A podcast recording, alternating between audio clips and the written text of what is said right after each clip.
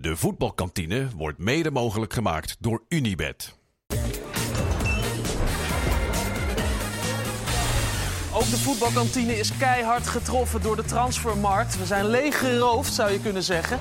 Onze eigen Kevin van Veenmeter is weg. Want Kevin die voetbalt nu voor Kilmarnock in Schotland. En zijn beeld staat ergens in Groningen volgens Zijn mij. beeld is meegenomen bij de Transfer Deadline Show. Die eh, staat in, eh, in Groningen. En dat is misschien maar goed ook. Hij gaat zijn doelpunten dus maken in Schotland. Ja, dus hebben wij een nieuwe meter nodig, Jordi. Ja, en dat was een hele goede optie, denk ik. Want het is Ralf Seuntjes geworden. Ik ben blij dat hij er is. Ik heb het gemist om hier naartoe te lopen. Ik weet nog niet vanavond of het meteen gaat gebeuren. Natuurlijk kraker op het programma te- eh, bij, eh, of tegen Willem II. Thuis tegen Willem II. Maar eh, ja, ik kijk er naar uit om weer wat te kunnen doen met de buis. Ja, we, Hebben, we hebben een buis. Hij is niet Ja. voor niets. We hebben een meter. Het is dus Ralf Seuntjes waar we op gaan letten. En het fijne aan Ralf is, hij heeft ook al wat doelpunten gemaakt dit seizoen. Dus we kunnen in ieder geval aan de gang met onze balletjes. Ralf Seuntjes, toch wel een cultfiguur. hè? Absoluut. En een fantastische spits, zoals we hier kunnen zien. En ja, we hebben dus, ik heb dus eigenlijk alweer wat te doen. Ik had het een beetje voorbereid. Normaal worden ze naar me toe gegooid. Kijken of ik ze er nog erin krijg. Hoppakee, want hij staat al op twee. Heerlijk. En ik kijk uit naar meer. Hoeveel gaat hij er halen? 12. Huh? Nog 10 erbij. Zo. Nog tien erbij. Succes, Zeker Ralf. Goed. Is je nog wat opgevallen? Ja, eh, als de gasten bij ons bekend worden, dan duiken wij natuurlijk in de archieven. Ik ben een grote eh, liefhebber van het Lukoki de Claire moment. Dat zegt iedereen thuis wel wat natuurlijk. En ik denk ook, als je dat meteen bij de gasten neerlegt, zo'n moment... dan weten we wat voor vlees we in de kuip hebben. Laten we kijken, want ik kwam wat tegen van ene Sander Fischer.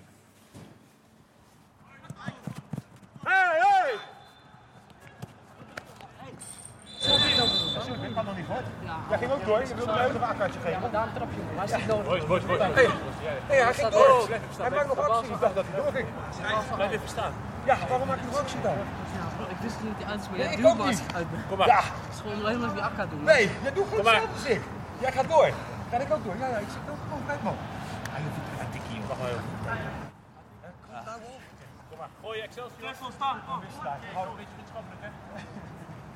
De grote, ja, de grote vraag is natuurlijk, ak had je gedogen van je tegenstander... al is hij niet op buiten de lijn of niet... of dat je het eh, eh, een duwtje geeft. Op het eind verraadt hij zich een beetje. Met een klein tikkie kan je wel tegen, toch? Klein tikkie, moet kunnen. Nee, we gaan het horen van onze gasten.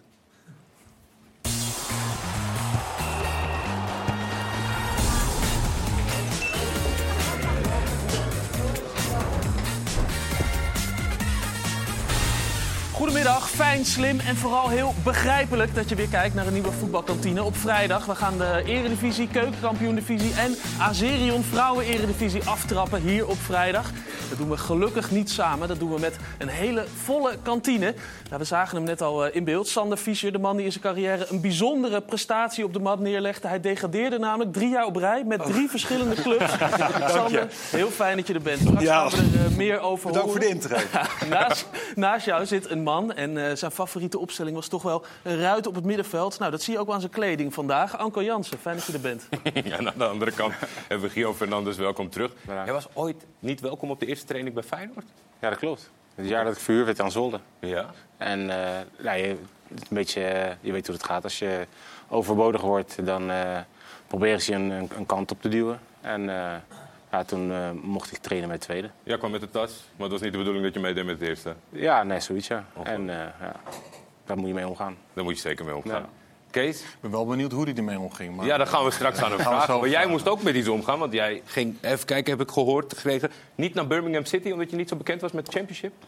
Klopt dat? Nee, ik heb daar stage gelopen eh, een week ongeveer. Ja. En ik denk dat ik de beste speler was op de trainingen en in de dit wedstrijd. verhaal weer. En dat is geen grap. Dat was Nee. niet normaal. Dus ik dacht ook van...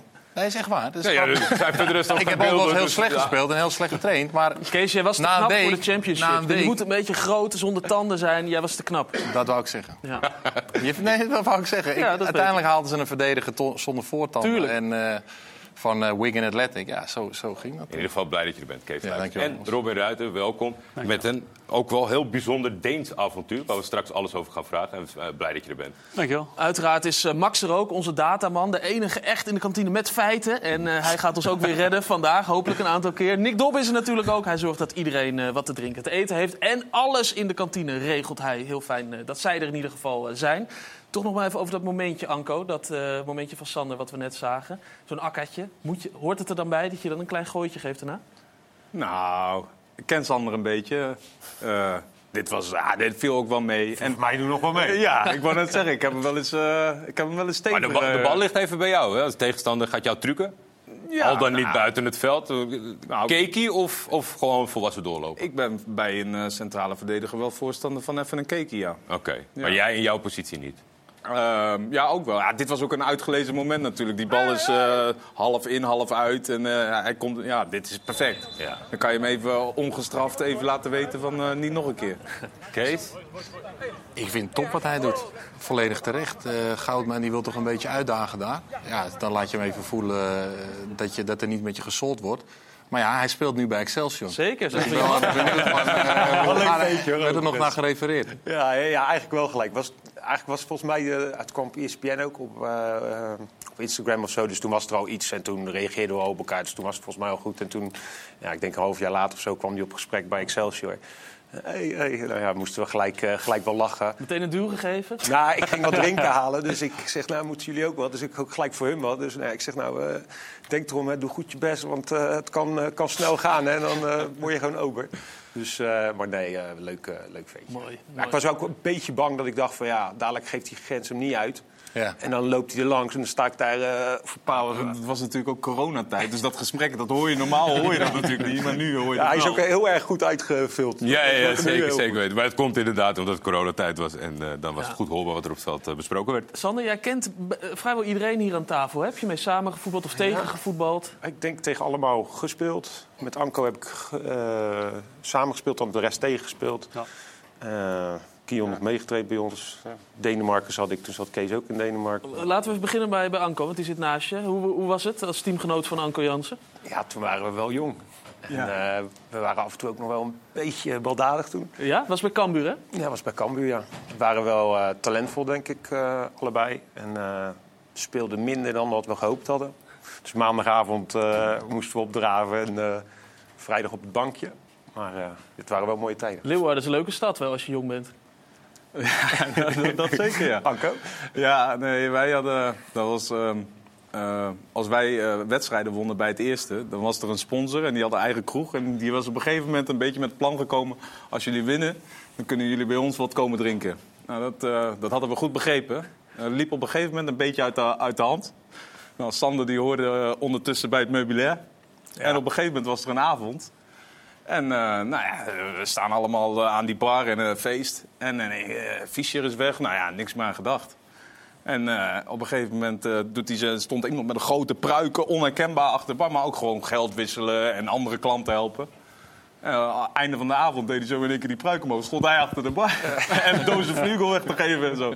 Nou, dat was een beetje onze tijd uh, bij Cambuur. Ja, het was uh, ook nou ja, leuk naast het veld. Laten we daarop houden. Voetbal je eigenlijk nog, Sander? In de zaal alleen nog. Goed team, goed team. Dus, ben jij echt een zaalvoetballer? Ja, spits, ja. Oh ja? Dus lekker een dikke reet erin. Okay. Vaar zit bij mijn team. Thomas Breuer. Vaar. Michel Breuer. Uh, Adil El Sar gedebuteerd nu. Oh, kijk. Dus uh, uh, nog een paar... Uh, Roorda, toch? Roorda, ja. ja. Ruben Nel. dan ja, Fabri, die heeft nog bij Sparta gezeten. Nog twee, twee Ik ben, ben wel benieuwd, hè, Sander. Zelf aangegeven van ik kom bij jullie team, maar ik ga wel in de spits. Of zeiden zij na een paar wedstrijden, ga maar in de spits? Nou, Vaar kwam er eigenlijk mee. Die wilde gewoon die wilde een zaaltypje. En die had dat eerder ook gedaan met, dan, met Breuer en met Ruben Nel, die assistenten van, van het eerste bij ons. Dus of ik mee wilde doen natuurlijk. En toen, uh, nou, we hebben eigenlijk er niet over gesproken, maar ik ben gewoon in de spits gaan staan. en nu is het wel duidelijk. ja, als je er niet maar het is wel grappig gaat, dat je nu in de spits speelt. Ja, maar ik vond het vroeger ook echt geweldig. Met 3 tegen 3, ja. dat vond ik het leukste dat er was. Kappen draaien in de spits. Ja, maar ik kan me ook voorstellen als je je hele leven lang centrale verdediger bent geweest. En ze zeggen tegen je, uh, Sander, nu ga je ook centrale verdediging spelen in de zaal. Dat je denkt, ja jongens, kom op, ik wil nou voor plezier hebben. Nee, dat, dat, dat is wel zo. Maar ik moet ook zeggen, we hebben dus één concurrent waar we dus gedeeld eerst mee staan. En die hadden dan een goede speler. En dan op een gegeven moment, eerst doe je van, nou, een beetje lekker ballen en leuk. Maar dan op een gegeven moment wil je toch wel weer winnen. En dan denk ik, oké. Okay, en dan ga jij even op Ga ik even naar achter, dan pak ik hem wel. Dan komen ze, ja, dubbele, dubbele. Nee, hoeft niet bij mij. Blijf maar. Dus. Mooi. Um, Robin, jij hebt uh, je debuut gemaakt voor FC Utrecht. En toen stond er bij Feyenoord iemand in het veld die ja, hier ook aan tafel zit. Hij heeft niet gescoord, maar wel gewonnen. dus dat, is, eh, ja, ja, dat was een mooie wedstrijd. En ik kan me nog goed herinneren, in de, in de eindfase ik, eh, kreeg ik nog een kleine 1 op 1. Ja. En, eh, Die pakte die. Ja, die mocht ik wel pakken, alleen eh, ja, zij won 1-0. Werd wel man of the match. Ja, dit was hem, hè, dat moment. Ja, Guillaume. ja, maar kon niet veel anders. Nee, je hebt... ja. Goed gekiept, zeg jij. Chippy? Ja, ja. je goal klein gemaakt. Ja, Guillaume? absoluut. Chippy? Nou, hij Dat is lastig. Hij is kort op, maar kijk maar. Misschien toch eerder Erg naartoe lopen. hoor, Anko. Ja, toch wel? Nee, Ja, weet ik. Dus Nee, vond deze vond ik wel lastig. Als hij er naartoe gaat, hij kan komt al echt wel uit. Ja? als je naar de bal toe loopt. Kijk, nee, maar kijk. Als hij nu naar de bal beweegt en dan een chippy. Ja, misschien wel. Ik zou zeggen, credits naar de keeper. Maar... Ja, ja, is ook zo. Ja, Gewoon goed gekiept. Ja. Ja. dit, was wel, kopie nog. Ja, ja, ja. Niks veranderd, toch? Nee. dit was wel echt een goed begin hè, voor jou. Want hier stond je er meteen. Dit was geweldig. Ik had eh, net die transfer gemaakt van Volendam naar Utrecht. Voor het eerst in de Eredivisie. Goede voorbereiding gedraaid. Maar goed, dan mag je debuteren eh, tegen een club als Feyenoord. Ja, dat is sowieso al een heel mooi affiche natuurlijk. Ik denk dat ik na twee minuten een voorzet plukte. Het publiek ging erachter staan. En vanaf dat moment zat ik lekker in de wedstrijd. En eh, uiteindelijk één goal van Cissé eh, werd ons fataal. Werd 1-0. Maar daarna ja, eigenlijk lovende kritiek in de pers en, eh, en van het publiek. Als je dan op zo'n manier begint, dan zit je er lekker in. Was dat affiche wel ook nodig? Want ik, ik ken, de, de meeste keepers zijn wel net als spitsen. Dat het, de eigen prestatie is wel belangrijk. Dus dat je 1-0 verliest, dan eigenlijk, normaal gesproken, ik denk verder in je carrière, is het gewoon een baalmoment, toch? Of Absoluut. heb je altijd goed de scheiding kunnen maken, ik heb lekker gekiept? Nou, uiteindelijk kijk je natuurlijk zeker naar je eigen prestaties. Alleen eh, als ik ervoor kan kiezen tussen 3-2 winnen en zelf oké gespeeld. Of 0-0 en zelf geweldig gespeeld. Ja, dan ga ik wel voor de overwinning. Ja, Alleen op dat moment, ja, om op die manier binnen te komen, dan... eh, nou goed, ik slikte die 1-0 wel. ja precies. Nee, Ja, begrijp had je heel even nodig, dat, Ja, eh, toch? dat Ja. moment. Ja, dat was tussen je tijd bij eh, Utrecht. Ja. Je hebt een eh, tijd achter de rug in, eh, in Denemarken. Nou, een tijd, een tijdje. Een tijdje. Vertel, hoe is dat allemaal gegaan? Want het begon met dat Noord-Sjælland een keeper nodig had. Een ervaren keeper. Zij hadden een keepersprobleem. Eén iemand had een gebroken hand. De ander die, eh, die was behoorlijk door zijn enkel geklapt. Dachten ze aan, eh, aan het scheuren van de banden. In de wedstrijd tegen Fenerbahce die ze met, eh, met 6-1 wonnen. En op dat moment hadden ze dus een keepersprobleem. Want ze hadden twee ja, behoorlijk geblesseerde keepers. Wisten niet hoe lang dat ging duren. Wanneer was dat? Eh, begin december. Dit is vrij recent. Ja, ja, ja maar dus eh, december hebben we Ja, echt eh, 1, 2 december geloof ik. Ja. En ik word in de ochtend gebeld van sta je weer open om een, eh, ja, een een keepersprobleem op te lossen als het ware.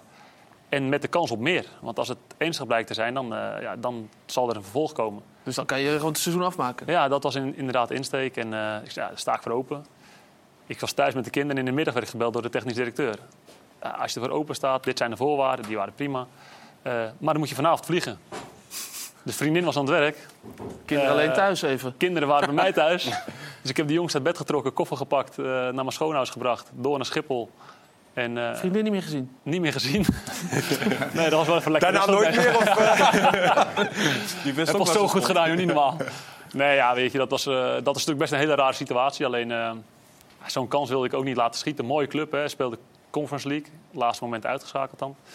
Eh doen mee altijd bovenin in Denemarken. Dus ja, ik zag het wel zitten. Ja, dus jij naar Schiphol. Naar Schiphol zat ik daar. Vlucht, vlucht geannuleerd. Zo. Koffer was weg. Dus ik had eh, mijn handbagage, had ik als, eh, mijn voetbalkoffer had ik als handbagage gehouden, gelukkig. Slim. Kijk, Alles dat is de ervaring. hè? Nou ja, alles geprobeerd eigenlijk om eh, een andere vlucht te krijgen. Want ik zou de volgende dag moeten trainen, gekeurd worden en dan door naar Odense. Alleen die vlucht was niet meer te regelen. Dus Uh-oh. toen zijn mijn vader en ik om 12 uur s'nachts in de auto gestapt. Eh 11 uur naar, eh naar Farum gereden. In één stuk Zo. door. In één stuk door. Mijn vader is nog eh, dezelfde dag nog teruggereden. Die heeft er, eh, geloof ik, 16, 17 uur gereden. Zo. Want we hadden Sinterklaasjavond bij ons thuis. Oh ja, dus dan moest hij weer thuis Ja, dan zijn. moest hij voor, voor thuis zijn. En eh, ja, ik had 11 uur in de auto gezeten, 30 minuten geslapen. Moest gelijk allemaal testen doen, het veld op. Eh, alles was akkoord, contract tekenen en de besprekingen. En toen zag ik dat ik niet speelde. Dus dat was wel even... Maar geen goede voorbereiding.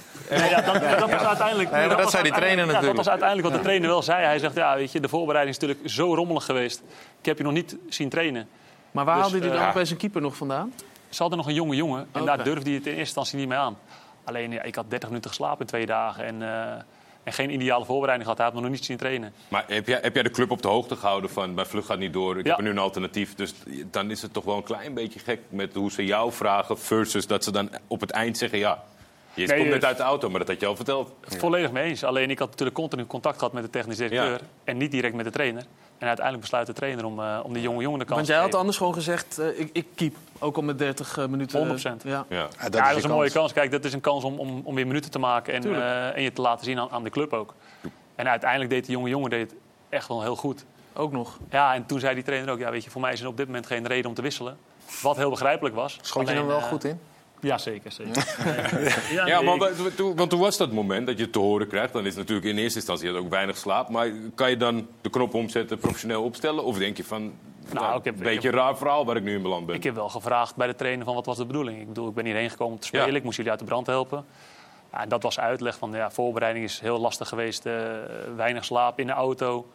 Eh, ik heb je nog niet zien trainen. Dus ja, dat, dat viel ook wel uit te leggen, weet je. Dat, Ja. Ik kon dat wel begrijpen. Maar dan naar, de volgende, naar het volgende duel toe wel. Heel eerlijk, toen Heeft ik hij die- zo, goed- zo goed, zal hij ook weer niet gekiept hebben die eerste wedstrijd. Dat hij zegt, ik haal hem nooit meer eraf, of wel? Nee, maar hij was heel steady. En die jongen eh, die kreeg ook net een kans. Die jongen van de club, jonge jongen. Potentie voor de toekomst. Potentie voor de toekomst. Die heeft nog een lange contract. Ja. Dus ja, weet je, op het moment dat zo'n jonge jongen het goed doet... kan ik heel goed begrijpen dat je zegt van ja, we laten hem staan. Ja. Anders maak je zo'n jongen misschien ook wel kapot. Ja. Dus hoe lang heb je daar gezeten bij Noord-Zeeland? Uiteindelijk een maandje. Ja, ja, ja.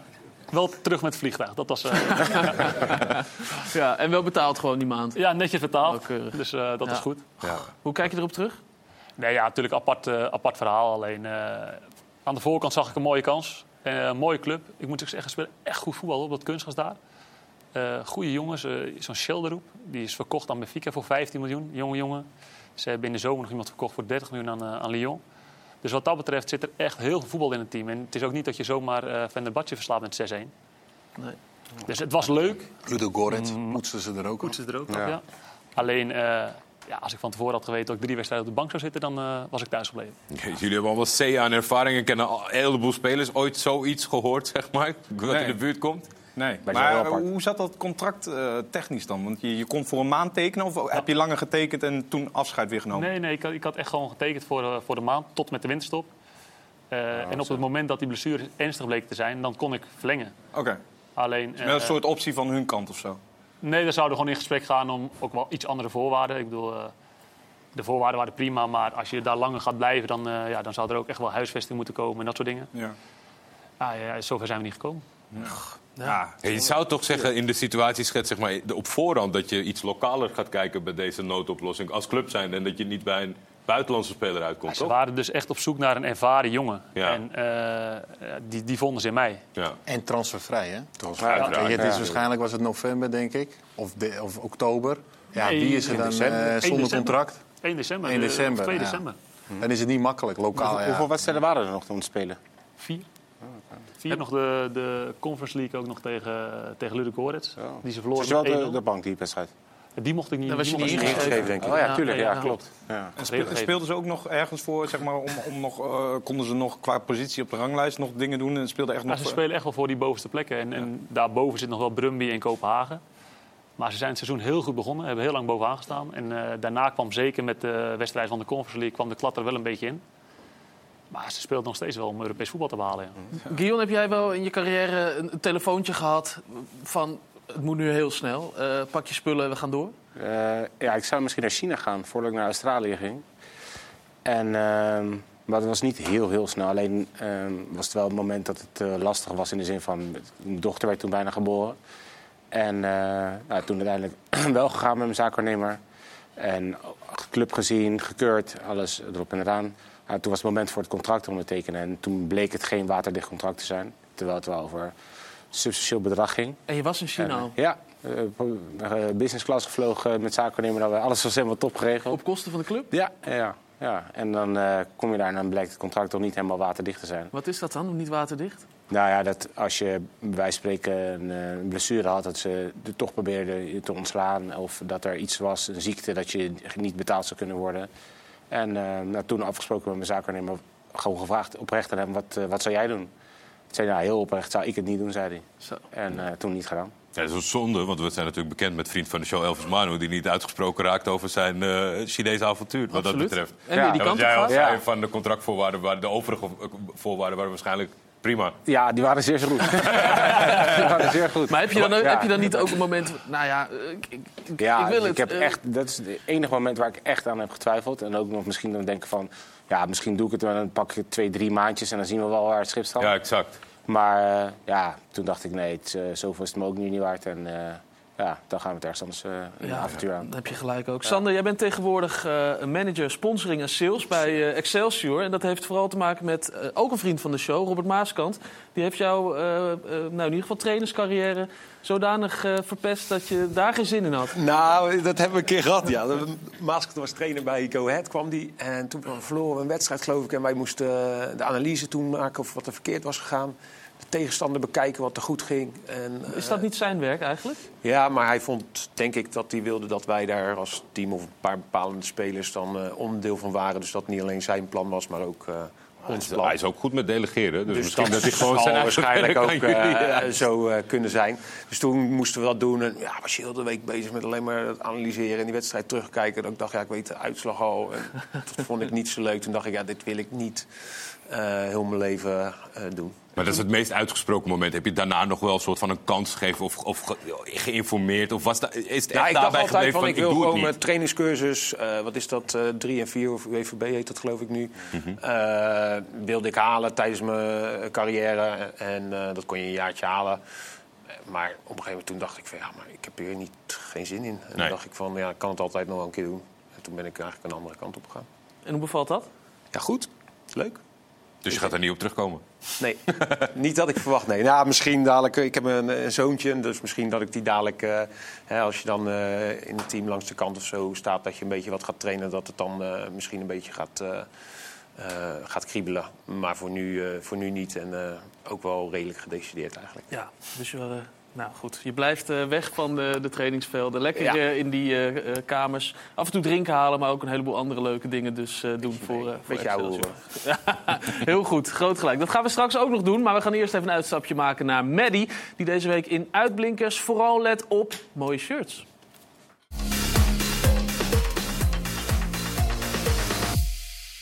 Goedemiddag, laten we het eens over voetbalshirtjes hebben. Ja, mooi. Nou Brian, het is maar wat je mooi vindt. Eh, vandaag geen tijd voor de traditionele shirts. Nee, we gaan het hebben over de lelijkste, gekste en kleurrijkste voetbalshirts... die we op de Nederlandse bodem voorbij hebben zien flitsen. Ik kan er een uur over lullen.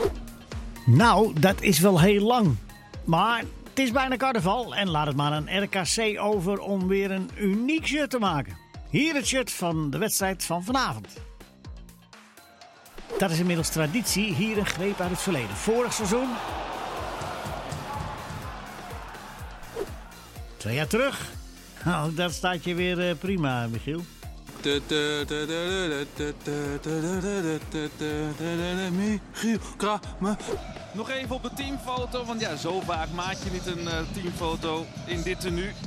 Maar niet alleen in Waalwijk is het een eh, bonte boel soms. Het eh, kan nog mooier. Wat dacht je van Telstar met het regenboogshirt? Of in Arnhem met het Airborne shirt. In Zwolle verzonnen ze de Koningsdagshirts. En Volendam doet het met speciale kermisshirts. Ja, en zo kunnen we nog wel even doorgaan natuurlijk. Smaken verschillen gelukkig. Geef mij maar gewoon die voetbaltraditie shirts. Willem II en Heerenveen bijvoorbeeld. Ik ben wel heel erg benieuwd wat onze vrienden van de voetbalkantine het mooiste voetbalshirt ooit vinden. In ieder geval hebben ze genoeg inspiratie om zich heen hangen. Gion, shirtjesliefhebber tijdens je carrière? Eh, niet heel erg, maar AC Milan stond me wel altijd heel erg aan. Ja? Van vroeger al, ja, Van Basten tijd en eh Gullit, Rijkaard en zo. En later eh, Ronaldinho en eh Pirlo, Kaká. Ja. En het rood-zwart, dat, ja, dat, stond. Het is echt, eh, het is echt een beetje 50-50 als we hier een beetje rondvragen van of ze shirtjes ruilen of eh verzameling hebben gemaakt. Ik heb er niet heel veel gedaan. Alleen speciale wedstrijden. Een keer met Feyenoord Dynamo Kiev. Ja. Een keer geruild. Ehm, Nog goede speler gebleken of eh, eigenlijk... eh, Eh, nee, wel in het begin van mijn carrière. Toen een oefenwedstrijd met ADO tegen Zenit. En toen Oké. Arshavin. oh, ja, Dus dat was, je goed, eh, dat wel je goed bij. Ja, dat was wel leuk, ja. Kees, AC Milan heb ik gehoord. Eh, heb jij een favoriete shirt? Ja, ik had wel. Ik vond, op een gegeven moment kocht ik dat shirt van AS Roma, begin 2000. Dat Ja. vond ik een heel mooi shirt, omdat die. Kappa. Kappa, ja. En het was ook qua pasvorm even anders dan, eh, Hmm. dan alle andere shirts. Ja, Italiaans natuurlijk. Mooi, eh, mooi slim fit. Jij met je lange haar toen? Ik, een beetje de totti van eh, Nederland. Van Noord- van Noord-Holland. Oké. Ja, vaak gehoord Maar, eh, shirt natuurlijk, Roma. Ja, Ja. ja. En dat, Maar, maar dat en om was een erin te beetje... spelen, eh, want als je het kocht, en dan kon je, het- is het ook prettig om in te spelen? want dat, ja? heerlijk shirt. Heerlijk shirt? Ja, Oké. eh, ja, nee, ja, nee, maar dat was inderdaad echt gewoon... Nee, maar dat je dat ging gewoon met je vriendjes voetballen. Ja, ja Dat nee, natuurlijk. Maar het kan, het kan ook zo zijn dat het heel mooi uitziet, maar dat het niet zo lekker is. Ten Nee, zeker. van, eh, Kanten strak of weet ik veel wat. eh. nee, dit was een fantastisch shirt, man. Robin, helemaal gefocust op keepershirts of heb je meer met de voetbalshirt? Ik moet eerlijk zeggen, ik ben ook niet zo'n hele grote liefhebber van voetbalshirts. Ja, je, ik vind wel dat het mooi getailleerd moet zitten, dus het paswoord Mhm. moet goed zijn. Wat ik wel een heel mooi shirt vond, was eh, van Sunderland, toen ik daar speelde. Ja. Dus dat is gewoon dat, dat, ja, die rood-witte banen. Dat, eh, Oh, maar jij let niet wel- speciaal op keepershirts dan? Met, met die kussens nee, in de ja. nee, nee, ik heb sowieso geen kussens hoor. Echt, dat vind ik zo'n onzin. Ja? Als je een beetje techniek hebt, dan, eh, dan val je niet op je elleboog. Wat is een mooi keepershirt?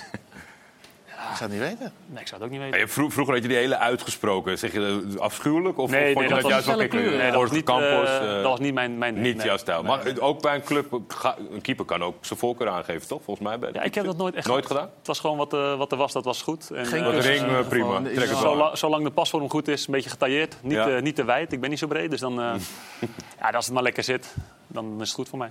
Anko? Ja, ik heb... eh, ja, Wel een beetje liefhebber, toch? Ja, jawel. Maar ik heb, eh, ik heb wel een beetje een intikketje. hoor. De, de Seleção. Maar n- nummer 10. Brazilië, thuisshirt. Ja, ja. Maar dat komt bij mij voornamelijk omdat ik... eh, Ronaldinho is echt mijn, eh, mijn jeugdheld. Ja. En ik heb tot mijn, tot mijn zeventiende onder een levensgrote Ronaldinho-poster geslapen. Toen debuteerde je. ja, dat klopt. Ja. En, Uiteindelijk eh, is het wel een beetje dat het eh, ook afhangt welke spelers er spelen. Ja. ja. Die shirts vind je mooi. Ja. Ja, nee, net ook. Ja, dat klopt. eh, Ja. Daarom- Kunnen, zeker, kunnen, spe- spelers shirts Shirts mooier maken, maken? ja, absoluut. Ja. Ja. Ja, maar Ronaldinho en later Neymar, nummer 10, Brazilië. Ook poster Ja, van? Nee, van Neymar niet. maar ook liefhebber van? Ja, ik vind dat twee spelers die heel ver uit elkaar Ja, liggen. ook groot liefhebber van Neymar. Ja? Ja? maar voor Ronaldinho in zijn Barcelona-tijd... Daar, daar ging voor mij de hele wereld... eh, die zette ik stop. Ja. Dan ging ik eh, naar, naar eh, Ronaldinho kijken bij Barcelona. En dan, ja, dan, die- gelukkig kon je me niet krijgen. Nee. Sander Fischer, shirtjes liefhebber? Eh, ja, ik vond shirts leuk. Ja? Beetje ruilen. Want altijd mijn eigen shirts heb ik ook wel gehouden. Altijd één exemplaartje. En ik vond eh, dat WK, of de EK-shirt van Nederlands elftal, dat foei lelijke. Dat vond ik echt... Van eh, 88? Oh, de, ja, de de befaamde. dat is toch fantastisch. Ja? dat vind ik mooi. Maar Ja. dat komt denk ik ook door de... door- door Ja, natuurlijk heb ik niet alles gezien. eromheen. Ik ben van 88. Nee, maar maar alles wel eromheen. prestatie ja, toch? Die. Prestatie, iconisch. Ja. echt top. Ja. Leuk.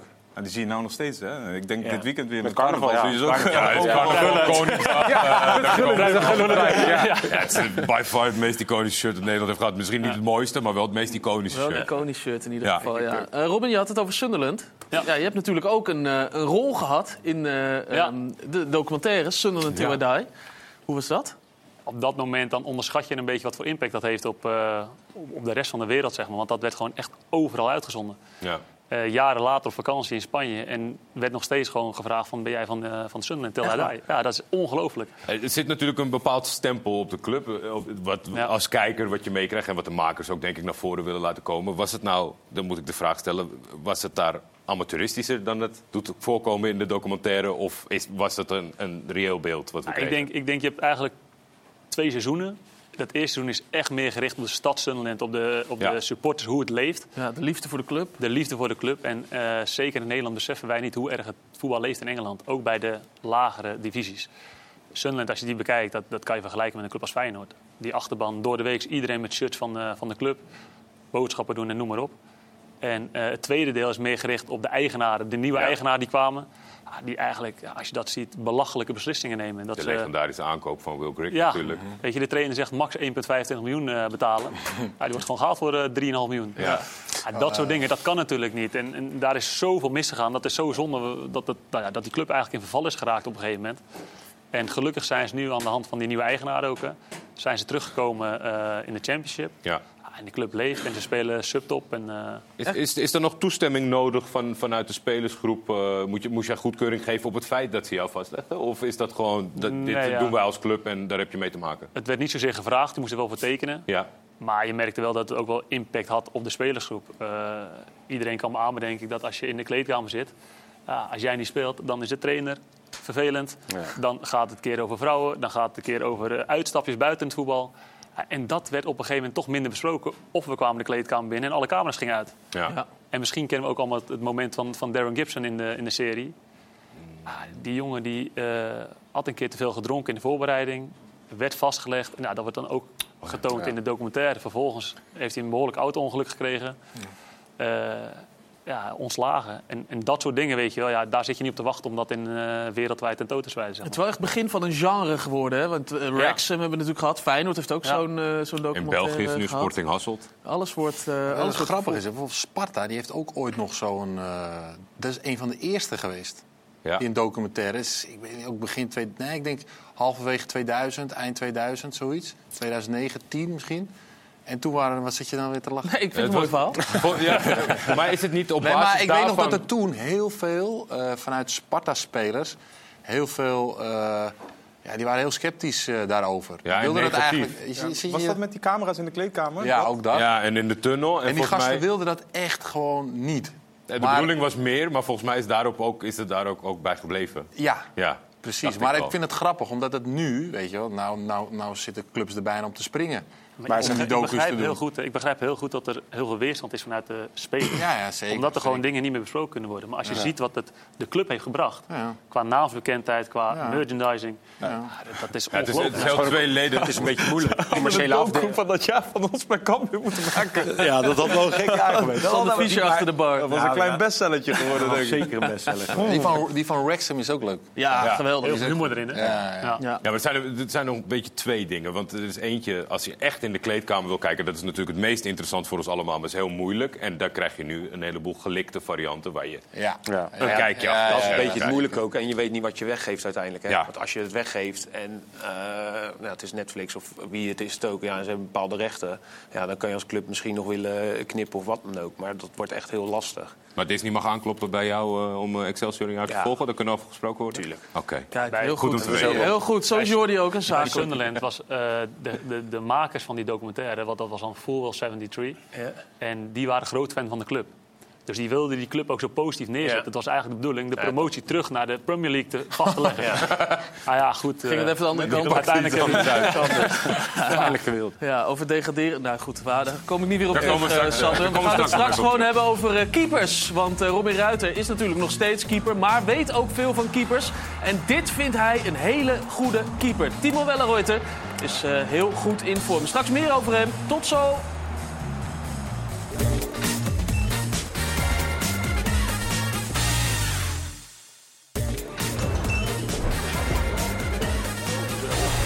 Welkom terug in de voetbalkantine, waar we ons toch langzamerhand een beetje aan het voorbereiden zijn op carnaval. en bij RKC doen ze jaarlijks een carnavalswedstrijd. Dan verandert Waalwijk natuurlijk in schoenlappersland.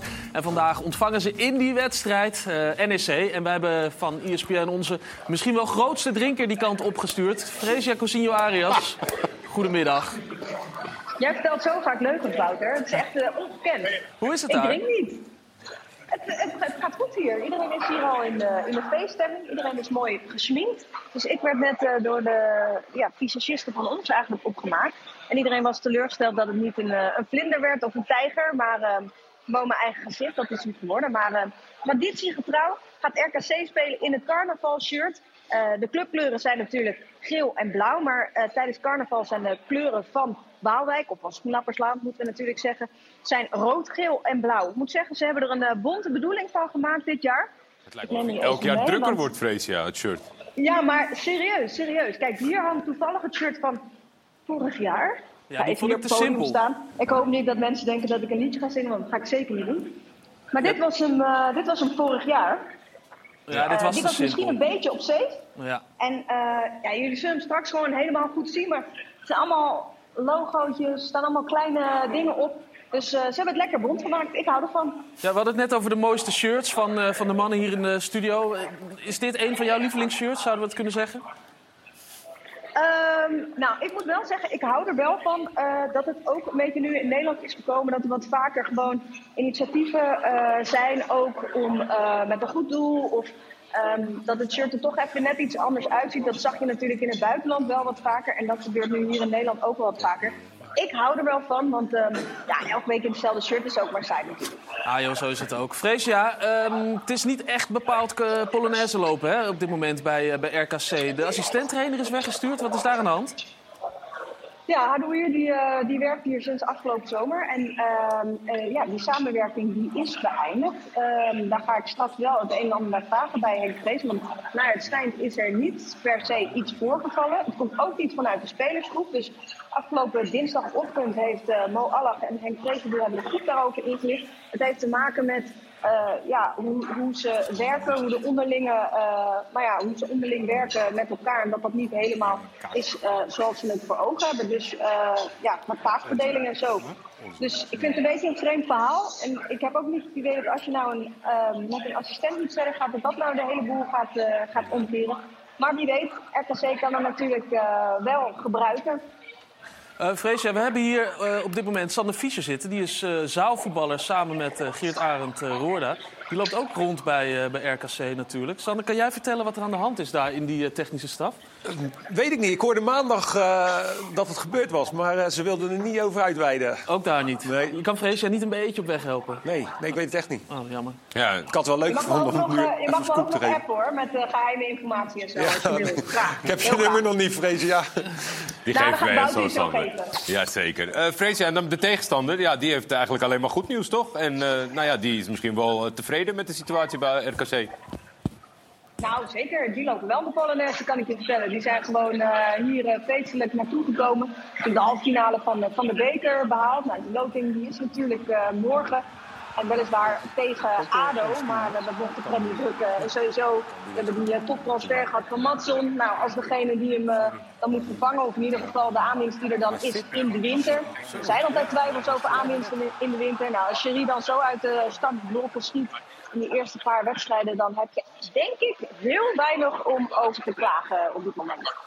Freesia, veel plezier daar. Eh, onze carnaval-liefhebber van, eh van ESPN. Fijne avond daar, Ja, succes. Ik, ik, ik heb gehoord dat jij hier vorig jaar in de Polonaise liep met Marciano. Dus, eh, Ik werd ja, gedwongen. Heb ik beelden van gezien? Heb ik beelden van gezien? Dat klopt, Freesia. Ja, ik werd gedwongen. Nou goed, ik ga die beelden nog even goed analyseren en even kijken wat ik Een beginnersfout, dat zal ik nooit meer eh, doen. Dankjewel, Freesia. Ciao. Eh, RKC zit echt wel eh, een beetje in Ja. de problemen. En eh, de vraag is natuurlijk altijd, hoe groot zijn die problemen? Nou, als je dat wil weten, dan ga je altijd naar Max. Max, hoe groot zijn die problemen? Ja, die zijn, eh, die zijn zorgwekkend. Eh, er is geen ploeg in de Eredivisie die langer wacht op een zege dan RKC. Dat zijn nu al acht duels op rij. Eh, en eh, ja, ze staan dus op dit moment 16e in de Eredivisie. En dat is toch echt inmiddels wel een gevreesde plek. Want die na-competitie die biedt eh, de laatste tijd ook heel, eh, heel erg weinig hoop. Eh, nou ja, dan wil je eigenlijk kijken van... joh, staat RKC niet ietsjes te laag? Zouden ze hoger moeten staan? Maar volgens het expected points model eh, hadden ze in principe 15e kunnen staan en was Heracles een plekje gezakt. Eh, maar goed, eh, RKC is wel de grootste onderpresteerder op die ranglijst. Eh, dus dat is al zorgwekkend. En als je dan gaat kijken waar dat dan voornamelijk door komt, dan zit het hem voornamelijk in het aanvallende gedeelte. In principe is er één ploeg die minder scoort dan zij. Qua expected goals houdt het niet over. En in principe hadden ze dus eigenlijk veel meer doelpunten moeten maken dan dat ze daadwerkelijk hebben gedaan. En dus is er geen enkele team dat slechter doet qua het verschil expected goals en goals dan, eh, dan RKC. en ook qua balcontact in de vijandelijke 16 komen ze niet heel erg vaak aan te pas. Dus maar ze is- krijgen dus wel kansen, maar ze scoren niet. nou ja, ze, ze, ze laten heel veel kansen liggen inderdaad. En eh, dat is iets wat Mats Seuntjes afgelopen eh, weekend ook al zei. Van joh, misschien moeten we eens beginnen met een keer een doelpunt maken. Eh, dat eh, vond ik een vrij verstandige tekst. Maar eh, Daar is hij voor gekomen, toch? daar is hij voor gekomen. Maar daar, eh, daar zit voornamelijk het probleem. En ja, RKC had weliswaar ietsjes hoger op de ranglijst moeten staan. Maar eh, het houdt niet over. Heel Ze hebben denk ik geluk dat eh, Volendam en Vitesse op dit moment eh, nog minder zijn dan zij. Kees, enige lichtpuntjes voor eh, de mensen uit Waalwijk die kijken? Zie je er wat in? Heb je nog... dat Nou, ik, denk kan Seuntjes, ik denk dat Seuntjes wel gewoon eh, wedstrijden kan gaan beslissen voor ze. Mhm. Dat was vorig seizoen ook zo. Alleen tot nu toe komt het er nog niet uit. Ik zeg je ook, RKC moet ook oppassen dat ze niet eh, direct degraderen. Want dat is ook maar drie punten. Ja, het wordt natuurlijk de hele tijd gewezen naar Volendam Ja, en Vitesse. het is maar wel het is maar drie punten. Het is maar drie punten. Volgens mij is het vier punten naar eh Heracles, denk ik, Ja. Max. Dus ja, je zit een beetje tussen, eh, ja, daartussenin. Dus zij moeten echt niet denken dat, dat die directe degradatie al vermeden En is. die nacompetitie wil je ook niet inspelen als eredivisieploeg. Nee, dat is, al, eh, dat is wel traditie nu bijna aan het worden dat die eruit gaan. Nee, daar wil je zeker niet in. Maar dat is wel weer maar Vitesse en Volendam. Dat is bijvoorbeeld hun enige doel, denk ik, op het ja, moment. Om die op plek het moment. 16, ja. Eh, ja, dan, het geweldige, wat, wat ik lees nou, het geweldige interview van Kees Luik met Mika Ja, het is wel grappig, want, want Kees die zit hier natuurlijk vaak in die kantine. En eh, je merkt echt dat hij wat opsteekt. Want nu staat hij bij Hij wedstrijden. betere vragen En dan stellen. staat hij ook interviews te doen, vraagt hij ook wel eens een vraag. En dan zie je wat er gebeurt met zo'n Mika Pinto als Kees met zijn opgedane kennis een speler gaat interviewen. Ja, alles wat ik nu zeg gaat sowieso niet helpen. Eh, ik denk dat is sowieso niet genoeg wat wij doen. En Cambuur had eh, meer, meer duels aan ons gepakt, alles meer gedaan. En dit is, dit is niet eh, Vitesse waardig. And when I say this is everybody, me also. If you, if, you, if you want to get out of this position, we have to bring a lot more. And we can have a thousand excuses. And the only thing I, I have to say is sorry to the fans. They came here. It's, they did a long travel and and it was not we were not worth of this shirt today. So I, I, I feel ashamed and this is not acceptable. Ja, het is makkelijker nu voor jou in het Engels, helemaal goed. Eh, ik kan de vraag gewoon in het Nederlands stellen natuurlijk. Wat had je meer verwacht van jullie dan? Eh, Hoe kwamen jullie hier? Ja, als, als je niet voetbal kan, dan moet je gewoon die duellen pakken. Tweede ballen, we verliezen elke tweede bal. Eh, je, je komt nooit in die wedstrijd en dit is niet genoeg. Ik ben echt uh, gefrustreerd en dit is al lang zo. En ja, al- als ik eerder verteld, dit is niet uh, Vitesse waardig. En iedereen has his own responsibility in this, so I'm, I'm really disappointed. Mika, heeft het te maken met mentaliteit Ja, of kwaliteit ja, in jouw sowieso, sowieso, sowieso. Het is niet kwaliteit. We hebben genoeg kwaliteit. We hebben genoeg eh, eh, experience in our group. It's about winning we wanted to win, we wanted more than them. We have a big chance to turn the situation, to come to a semi-final, two games away from the final, and this is, this is not enough. And I'm, I'm also part of it. Huh? Yeah, yeah. It's not, not just the other players. Everybody has his own responsibility and we have to change fast because this is not enough what we are doing. Sander, ik begin even bij jou. Was die boos op Kees ook, of niet? Hij was even, even eh, in de was emotie. eh, hij was Dat, echt, dat eh, trillen was wel eh, was trillen, heftig ja. om te zien. Want dat, Ja. dat zie je echt, die frustratie. Die, die, Ja, want normaal, Kan ik, niet ik vind het altijd... Je kunt er op twee manieren naar kijken. Aan de ene kant kun je denken, want hij noemt natuurlijk veel de supporters. En eh, de fans kwamen hier naartoe. Zijn je kunt denken van, hij is een beetje een wit voetje halen bij de supporters. Maar bij hem, ja, of hij faked zijn emoties heel sterk. Maar hij was echt... eh, het, he- het, het raakte hem zo diep. Het enige is wat ik wel denk... Want ik vroeg natuurlijk, is het kwaliteit of is het... eh, Goeie vraag. Heel goed. Nee, ik ben wel benieuwd trouwens, hoe zou jij dat doen? Want die jongen loopt helemaal leeg. Maar we hebben het redelijk, Leta en ik hebben het redelijk kort, kort gehouden. Wil je dan alles eruit trekken? Nou, of, eh? dat- dit was toch eh, heel mooi. En ook, eh, ik Ja, vond het heel goed. oprecht en mooi om te zien. En dan hoef je niet nog hem, je hoeft hem niet te laten huilen of zo. Nee, nee, precies. Nee. Maar dat kan je natuurlijk ook doen als interviewer. Nee. Eh, daarom hield ik het daarbij. Maar eh, in het geval van Vitesse denk ik wel dat het... het heeft, zij speelden met drie jongens van... Nou, eentje was 18, eentje was 20, Meerdink... en nog een jongen van 18, 19 geloof ik. Speelden ze voorop. Ja. Dus ja, die gasten moeten wel... eh, dat is de eerste linie die moet gaan verdedigen als het ware. Ja, die konden totaal niet samenwerken. Dus daarom dacht ik wel van... het is ook wel een gedeelte kwaliteit bij, eh, Ja. bij Vitesse. Maar je hoort dus vaak, Sander, deze teksten wel op het moment dat het, dat het langdurig slecht gaat. Maar is dat dan... Is het vaak mentaliteitskwestie of kwaliteitskwestie? De, de, de vraag die, die Kees stelt. Want de spelers neigen vaak te zeggen naar mentaliteit. Dat het harder, er moet meer gestreden worden. Er moet... Ja, het is ook kwaliteit natuurlijk. Uiteindelijk is het ook kwaliteit. Want als jij gewoon betere spelers hebt die betere keuzes maken... Ja, dan hoef je misschien ook iets minder eh, hard erachteraan eh, eh, te lopen. Maar wat je wel vaak ziet, is iedereen zich er ook wel van bewust... dat je zo keihard moet werken. En eh, zijn sommigen die laten het gebeuren, om het zo maar te zeggen. En dat is een beetje het, het moeilijke. En dat zie je soms wel, dan ebt het weg. Maar jij, jij hebt ook wel eens tegen degradatie eh, gevoetbald. Ook wel eens gedegradeerd in, in je carrière. Ken je, herken je die frustratie die, eh, die Mika Pinto hier heeft? Nou, bij Go Ahead op een gegeven moment sloop het er wel in dat het echt eh, ja, minder werd. En dat je het gevoel had van, ja, dit, dit zou wel eens kunnen wegtrekken. Bij Sparta had ik eigenlijk wel het gevoel dat we dat eh, nog gingen, gingen halen. Op basis waarvan had je dat toen? Eh, nou, sowieso toen we Kramer Muur hadden. Maar ja, toen ging Kramer ineens eh, met zes wedstrijden of zeven wedstrijden werd hij geschorst. Toen kon hij naar huis. Maar toen hadden we Kramer en Muren. Dat was wel koningskoppel samen. En wij, ik vond ons wel eh, beter sowieso als Emmen eh, toen. Of in ieder geval beter. Ik vond ons niet slechter, laat ik het zo zeggen. Er was wel, was wel een, Absoluut niet. een gigantische Ronaldinho-fan bij Emmen Ja, natuurlijk. nee, maar echt, wij waren echt bij far een veel betere ploeg als jullie. Oké, nou ja, ik eh, vond eh Emmen daar toen geen, eh, geen wereldploeg. En ik ben wel benieuwd, het is meer van mijn ervaring is, want ik heb ook eh, vaak genoeg moeten knokken tegen degradatie, is voor mij achteraf gezien is altijd het belangrijkste geweest dat je sfeer in je groep goed blijft. En eh, Is dat dan- daar kan bijna wij- niks tegen Hebben wij bij Roda gehad, toch? Ja, bij? Roda toen. was ook een trein die... eh, Maar blijf je er dan in, of niet? goede groep. Nee, we zijn ook gedegradeerd. Ondanks de goede sfeer. Nee, wij hadden slechte sfeer. Oh, slechte sfeer. Maar hoe, hoe hou je... Wij hadden vorig jaar een hele goede sfeer bij Cambuur en uiteindelijk zijn we ook gedegradeerd. Ja. Maar hoe, ja, hoe, is, hoe is dat dan, zeg maar? Hoe, hoe krijg je een goede sfeer op het moment dat Ja, elk maar je hebt wel de een kansloos seizoen, hè?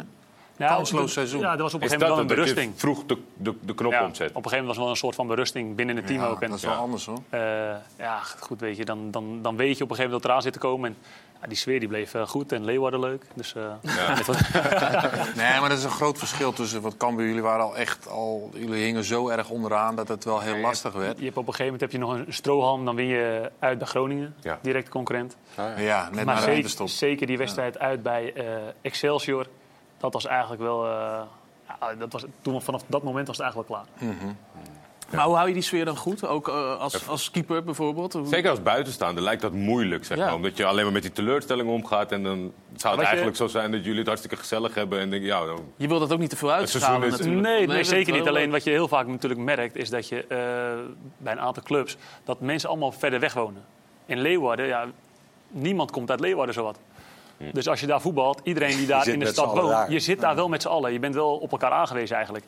Dus buiten, eh, buiten de club om, heel vaak bij elkaar eten, een spelletjesavond. En, en dat soort momenten, ja, dan probeer je toch wel het, het werk zeg maar, en eh, de randverschijnselen een beetje te scheiden. wel een goed teamgevoel, teamproces eh, krijg je daardoor. Ja. Alleen ook niet, eh, niet gehandhaafd. Nee, dat is dus niet het allerbelangrijkste, die, eh, die sfeer. En bij Roda voelden jullie het misgaan qua sfeer? Ja, maar ik vond ook, wij hadden Thomasson als, eh, als coach. En eh, die zei na, na elke wedstrijd nog zeven potten, jongens. En nog zes potten, jongens. En dan? Nog vijf. Ja, van het kan nog. Ja, en het werd een beetje een, eh, een langspeelplaat.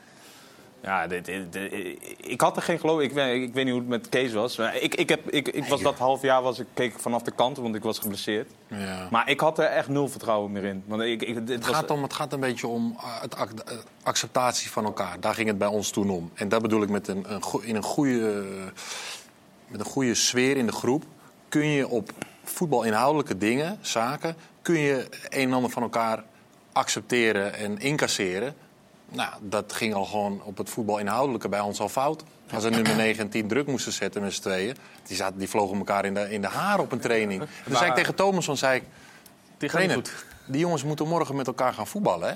en samenwerken. Hij zei, ja, kan ik ook niks aan doen. Ja, was al voor mijn tijd. Dus hij greep ook niet in. Nee, hij was Ja, heel, hij was heel timide, rustig. Het was altijd maar... Ja, het leek wel dat hij altijd van, ja, het komt wel goed. En terwijl ik dacht van, nou, dan mogen we wel beginnen om uh, aanstalten te gaan Toch heeft hij maken. een aantal stappen nog gemaakt, Thomasson. Zeker. Ja, maar hij was ook een hele goede veldtrainer. Hij kon tactisch, kon hij de boel echt wel, eh, daar kon hij heel goed naar trainen. Maar als hij onderlinge relaties moest, eh, moest, op, daarop moest ingrijpen...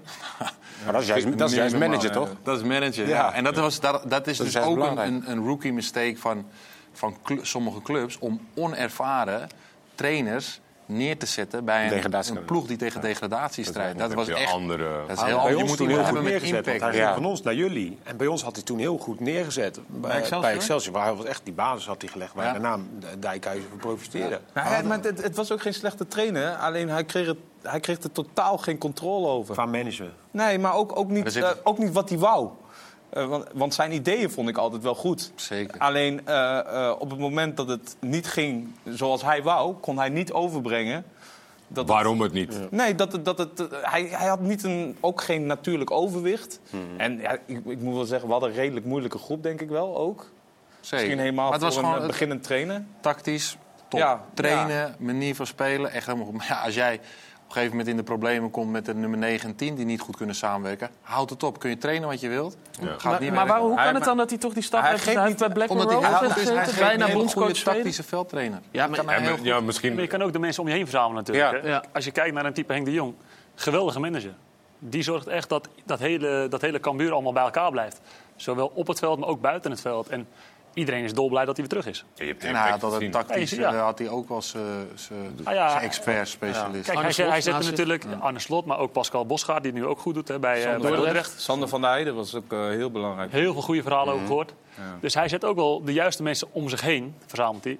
En hij is degene die eh, even een arm om iemand heen slaat. Ja, ja, ja. En weet je, Mijn ook al speel je daar niet, Die had iets magisch soms. nee, maar ook al speel je daar niet, dan nog heb je toch het gevoel van dat je betrokken bent. En dat je belangrijk bent voor het Ja. team. En ja, dat is wat een, wat een goede manager moet hebben, vind ik. Ik ben, ik ben wel benieuwd, Guillaume, naar die 9-10-situatie bij, bij Roda. Moest jij altijd een klik hebben met, met jouw aanvalspartners? Of was ik dat vond het puur belangrijk- professioneel? Ja, je hoeft niet per se, je hoeft geen vrienden te zijn of zo. Nee. Spelletjesavond per se. Nee, dat hoeft niet per se. Ik weet niet hoe het bij. Ja, voor, ik- als ik voor mezelf spreek, is het meer. Je komt daar voor hetzelfde. En hoe beter die ander het doet, dus als jij assisten geeft of je scoort zelf, daar profiteert iedereen van. Dus ik hoefde niet na de training met iemand eh, nog de hele dag te hangen. Het was niet nodig, maar heb je het wel gehad dat je met iemand een hele goede klik had... en daardoor, dat lijkt me toch altijd al, is het een Ja, klein beetje een positieve uitwerking. Ja, met toch? Klaasie bijvoorbeeld. Ja. Of met Mokotjo. Maar dat was meer een linie achter mij, omdat ja, die konden mij dan lanceren. Ballen in de diepte, steekpases en zo. Goeie verstand. Dus ja, dat waren, meestal had ik dat met de jongens die achter mij speelden. Als ik daar een, een bepaalde soort klik mee had, maakte het voetballen voor mij makkelijker. Maar dat ging dan automatisch, die, die klik, of dat voelde je elkaar aan, of moest je Ja, daar wel wat voor doen? Nee, op een gegeven moment, je merkt het wel eh, in de voorbereiding al met, met oefenwedstrijden... dat die jongens makkelijk de ruimte zien. Of in een beker. En, eh, of in de weekfinale, inderdaad. Die Guillaume En, gewonnen eh, heeft. Ja. Jij kon uh, Mokotjo wel waarderen als speler, hè? Ja, Oh, Mokotjo- gaf dat, ja, Ja, was het in- bij die wedstrijd. Echt, ja, echt dat vergeet ik van mijn leven nooit weer. Ja, Twee speler. geweldige ballen, precies Ja. op het goede moment. Ja, Je moet, je moet hem maar onder kon geen haar, afkappen, er hoor, kon geen tussen Nee, nee, nee. Ja, klopt, ja, het is mooi dat Precies op het verste been. Ja. Geweldige aanname. Ja, maar dat je het inderdaad, je, ja, weet waar je ziet het, omdat je middenvelder ook. Die, die ruimtes zijn heel belangrijk. En ook het moment wanneer je hem speelt. En eh, ja, sommige jongens hebben er echt een gevoel voor. Mooi. Robin, heb jij wel eens een doelpunt gemaakt? Nee, wel dichtbij geweest. Oh ja? Tegen NAC, NAC thuis. Wat dan? Ik weet niet wie jij er toen speelde, maar het stond 4-3. En laatste minuut mee en ik Nee, knikte hem ja, echt zo'n stukje na. Oh, echt zo'n ouderwetse corner uh, Ja, mee, ja, ja, mee ja, ja. als, eh, als keeper. Vind je het leuk als keeper? Dat heb ik eigenlijk nooit aan een keeper kunnen vragen. Nou ja, het is liever dat het niet nodig is, maar eh, als je hem dan binnen mag knikken, dan... eh ik baal Wil wel ik dat mis was, maken. hoor. Hij denkt wel, die wil ik wel maken. Nee, ja, ik Ja. Ja, dit Maar gebeurde ik namelijk gezien. Oh, bij AFC tegen, tegen Noordwijk. Een keeper die dacht op een gegeven moment, ja, weg met die bal. En die krij- krijgt nog een beuk. nog drie keer. Fake nog even een blessure. zo'n goal zien? of niet? Lars Jansen is dit. Volgens mij geen familie van Anko, maar eh, geweldige goal. Hij heeft hem zelf dus nooit gezien. Ik, ik hoorde wat, hij fakte een blessure achteraan. Daar werd wel goed geraakt, hoor, jongens. Nou, dat viel me Klein tikkie. Klein, ja, vind alles een klein tikkie. Ja, mooie goal. En professioneel, hè? Meteen weer eh, op de lijn staan en door. Jongens, scherp nu! Ja, zo hoort er ook bij als keeper. zeg je hè? wisselen. Erik. Cummins nog, speelde jij toen samen, of niet? Ja. Ja, ja Erik Cummins nog bij Excelsior. Nee, die heeft tegen mij gescoord. Oh, oh, tegen jullie, was met Go Ahead Eagles. was eh, tegen, Oh. ja, Go Ahead Ja. tegen eh, Excelsior. Tegen uh, Dekkers. Ja. Die vloog erover. Toch altijd onrustig, hè, als er zo'n keeper meekomt. Dat is iedereen kijken. Nou, hij niet mee, hoor. Vanaf de, vanaf de 16. eh, die Oh, die Ja, die stuitte er voor onze keeper en die stuitte er erover. mee was dat, hè? Ja, zon tegen. Excelsior, Excelsior klein veldje. Kleinveld. Kunstgras, gekke stuit. Ja. Ja, ik vind foutje. het mooiste nog altijd als die keeper zeg maar, al op de middenlijn staat. En dan die, naar de trainer, kijk, mag ik? Mag ik? Mag ik? Mag ik? En dat dan eh, die trainer zegt, "Ah, terug naar je doel. De mooiste is toch wel denk ik die van Martin Hansen, of niet? Achter Ja, die Ja, ja, ja. ja, ja. Tegen PSV. Ja, dit was geweldig. Ja, mooi doelpunt was dat. En, ehm, Ja, dat- er zijn een heleboel bijzondere keepers geweest in, eh, in de Eredivisie. Aankomende dinsdag gaan we een documentaire uitzenden over Grandel. Eh, de documentaire, eh, de ESPN-doc, meer dan een Grandelletje. Ja, dat is, was een van jouw voorgangers bij, eh, bij Utrecht, of niet? zat één seizoen zat ertussen. Ging het, er, ging het er toen nog een beetje over? Want dat werd op een gegeven moment echt zo'n uitspraak, hè? Een, een Grandelletje. Ja, nee, eh, als je dan een blundertje maakt, dan was dat eh, een grandelletje. Ja, absoluut. Alleen ik heb ook wel van de mensen binnen Utrecht toen gehoord dat dit echt een geweldenaar was op de training. Alleen ja, in de wedstrijden kwam het daar niet uit. Ja, Het- triest is dat, hè? Ja, het- we hadden natuurlijk ook... Kijk, ik denk keepers er altijd al een andere visie over hebben... over hoe makkelijk spelers zeggen blunder, et cetera. Hey, dat is Carnaval. carnaval. Dat staat nog boven van de deadline show. Oh, mooi. Freesia die vanuit eh, Waalwijk eh, wat heeft gesproken. Maar het zijn twee momenten voornamelijk volgens mij bij hem. Die waren ook wel echt extreem, Ja, ja. zeg maar, wat dat betreft. 100 maar ja, weet je, eh, ik heb er zelf ook de nodige gemaakt. Uiteindelijk, eh, als een spits de hele wedstrijd niet scoort en in de 90 minuten de winnende maakt, is de held. En als keeper kan je het fantastisch doen. Maar in de laatste minuut een blunder maken, ja, je bent altijd eh, de pineut eigenlijk. Ja, Jordan, jij zal het ongetwijfeld ook hebben over dat moment eh, tegen PSV. Komt natuurlijk ook weer voorbij in de dok. Laten we eens even kijken hoe dat ook alweer ging. Peut-être euh, par moment euh, le mental, peut-être, ou à une période. Keepers en spitsen, dit zijn toch aparte vogels om het maar zo te noemen. Je, je, je kan het fantastisch doen, maar dat ene moment is dan weer bepalend. Eh, dat is het leven van een keeper. I lose Die natte bal die uit zijn handen glipt. Maar waarom komt hij ook zo ver uit zijn goal? 1-0 PSV. En wat vervelend voor die doelman van Utrecht. Je faisais un gros match, un bon match. J'avais arrêté un penalty, j'avais fait un gros match et De eerste was een soort cadeautje van Grandel. De tweede is geen cadeautje. Grandel maakt zijn fout goed. Kijk, als jij die fout maakt en je stopt een penalty en je hebt nog een paar, want dan had hij nog een paar goede reddingen. En je wint die wedstrijd met 3-1, ja, dan wordt er niet over gesproken. Kone, ja, helemaal vrij Cocu. Dit moet natuurlijk 2-0 zijn. Hij heeft alle tijd. En daar is Grandel, die Utrecht voor een tweede keer behoedt voor de 2-0 achterstand. PSV brengt zichzelf in de slotfase nog een beetje in de problemen. Gomez, oi oi oi. Ook hij kampt met een natte bal. Maar als het punten kost, ja, dan eh, is het logisch dat er, eh, dat er vraagtekens komen. j'ai du mal à négocier la trajectoire. Malheureusement, on perd le match sur, euh, sur cette, cette erreur. Mais c'est vrai que euh, ouais, j'oublierai jamais moi cette, euh, cette rencontre. Met terugwerkende kracht, Anko. Viel het mee, eigenlijk, het grandelletje? Ja, ja, ik denk eh, als je Noppert dit seizoen ziet, kan je ook een aardige compilatie van maken, denk ik. Ja. Dus eh, wat dat betreft, ja, misschien zit het dan ook een beetje in de naam. En dat er dan een soort... eh, het ja, gaat leven, ja, blijft dat er hangen een naampje en- van gemaakt wordt. eh, en, en dat het dan een beetje een... eh, het een- is voor het virale tijdperk. Dat is natuurlijk nu helemaal finesse. Dat hoeft Ja. één, eh, 13, 10 seconden. en Maar het was ook niet alleen deze wedstrijd. Hè. Ik kan me er Nee. nog wel een paar waren eh, zeker nog herinneren. En het zelfvertrouwen zie je natuurlijk ook. Want je ziet hem ook, hoe, ook al pakte die penalty, je ziet nog steeds dat Hij hij... zei iets van sorry zelfs. Ja, ja, zo van, ja, maar het is gewoon mijn fout. Dus die jongen die, die, ja, die durfde waarschijnlijk gewoon niet meer. Of die was alleen maar bezig met als ik maar geen fout maak, als ik maar geen fout maak. Robin, zijn we te kritisch op dat soort momenten of in zijn algeheelheid op de keepers? Nou, het is natuurlijk wel zo dat, dat de leek, die weet niet altijd wat er allemaal precies moet gebeuren bij een keeper. En soms lijken eh, sommige reddingen fantastisch, terwijl dat de meest simpele ballen zijn. En andere momenten die eigenlijk heel makkelijk zijn. Ik, ik kan nog eentje herinneren van, eh van Wellenreuter, afgelopen wedstrijd tegen AZ. Ja, die, die raapt hij op op de rand 16. Maar dat soort momenten zijn zo belangrijk voor een verdediging, voor een ploeg. Het bespelen van de diepte. Alleen ja, weet je, voor niemand die ziet hoe goed dat is eigenlijk. Vind je dat wel eens vervelend? Want wij hebben natuurlijk veel analisten die vaak geen keeper zijn. Zit je dan wel eens Nou thuis ja, dat je denkt, ja, ja. eh, er zit die Anko over die bal, maar eh, dit Ja, was de- een veel mooiere. Er worden wel eens dingen eh, gezegd als korthoek is voor de keeper. Ja, dat is ook niet altijd zo natuurlijk. Dat is zo kort door de bocht. En eh, soms zit ik me wel eens te verbijten dan. Ja. Ja, vaak, had je als keeper ook vaak de afspraak met, eh, met eh, benen dicht, dan is de korte hoek voor jou? Ja. Ja, dat, dat zie je wel heel vaak. Dat als een bal nog door de, door de benen geschoten wordt, dat hij bij de korte hoek eh, binnen gaat. En heel vaak komt hij op de konto van de keeper Ja. bij de leek. Ja. Terwijl jij die afspraak dan hebt. Ja. Ja, jij weet het gewoon, Anko. Dat moet je dus vertellen. Dan zit Ja, eh, Robin thuis Nee, maar ja, eh, echt ook. Eh, ik- Hij ik- zocht altijd voor die benen. Ik, ja, nee, maar Ja, dat, ja. Ik, ik speelde vaak op, met mijn rechterbeen natuurlijk aan de linkerkant. Ja, ik probeerde wel dan, als, ze- als, als ze echt eh, eh, zo'n positie hadden, probeerde ik echt door de benen te schieten. Maar Robin, we zien wat beelden van Wellenreuter. Je hebt hem genoemd. Wat, wat is er zo goed in hem? Ik vind hem sowieso heel compleet. Hij is heel rustig. En wat ik ontzettend knap is, is, eh, vind, is dat hij eigenlijk een hele tijd weer niet gespeeld heeft, achter Bijlo. ja. En dat hij er meteen staat. En de druk bij een club als eh, Willem II, waar hij natuurlijk heeft gespeeld, is heel anders dan bij Feyenoord. Eh, en als je ziet hoe hij dat dan oppakt. Ja, ook in de grotere wedstrijden. je zag net al de redding op dat schot van Koeders voorbij komen. Dat zijn gewoon fantastische momenten. En ik denk voor Feyenoord zo belangrijk, ook vorig jaar in het kampioenschap.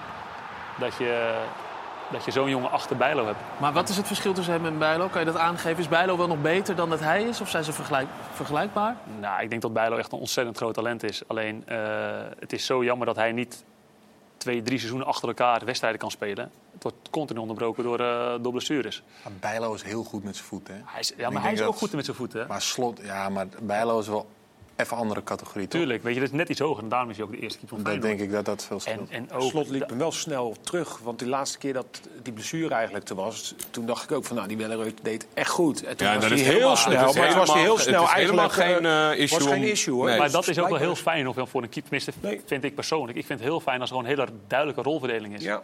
Maar ik denk dat er vanaf het begin gewoon afspraken zijn gemaakt. Ja, dat zou En kunnen. Dan kan je nog Maar zo het is, goed nog, doen. moe- is alsnog denk ik moeilijk toepassen in het voetbal. Zeker als je het op die manier invult. Want dat was een beetje dat wij vragen gingen stellen. Moet hij wel meteen terug, omdat Welleroy het zo goed.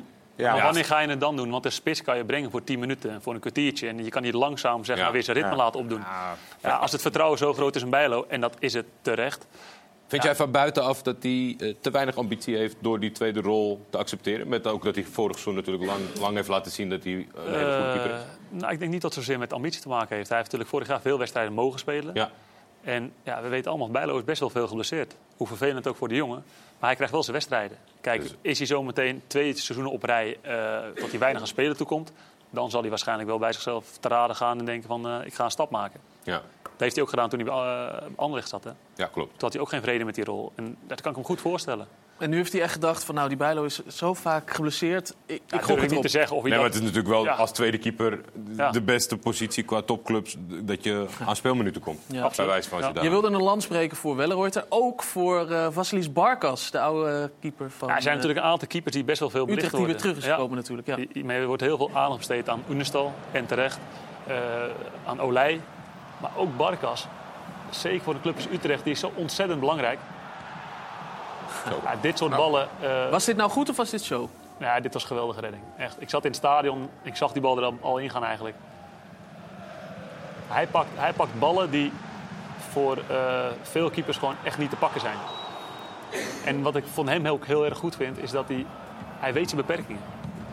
Hij is met zijn voeten echt niet zo goed. En daar zoekt hij ook geen moeilijke oplossingen. Nee. Heb je, heb je een verklaring voor waarom eh eredivisie-keepers... de ene die zegt die, die komen wel goed in het daglicht... en de andere worden eigenlijk een beetje genegeerd... of krijgen niet de lof die ze verdienen? Waar- kan dat achter zitten? Ik denk niet ik- dat, eh, dat het een bewuste keuze is van de Nee, maar het die heeft ook heel veel te maken met eh, hoe een elftal draait. Op het moment dat je, dat je dat zag je net bij Grandel, Mhm. op het moment dat het elftal slecht draait of je verliest met 1-0 of onderste... Kijk, Noppert nu, Heerenveen, niet geweldig begin Nee. van het seizoen. Maakt fouten, daardoor verliezen ze wedstrijden.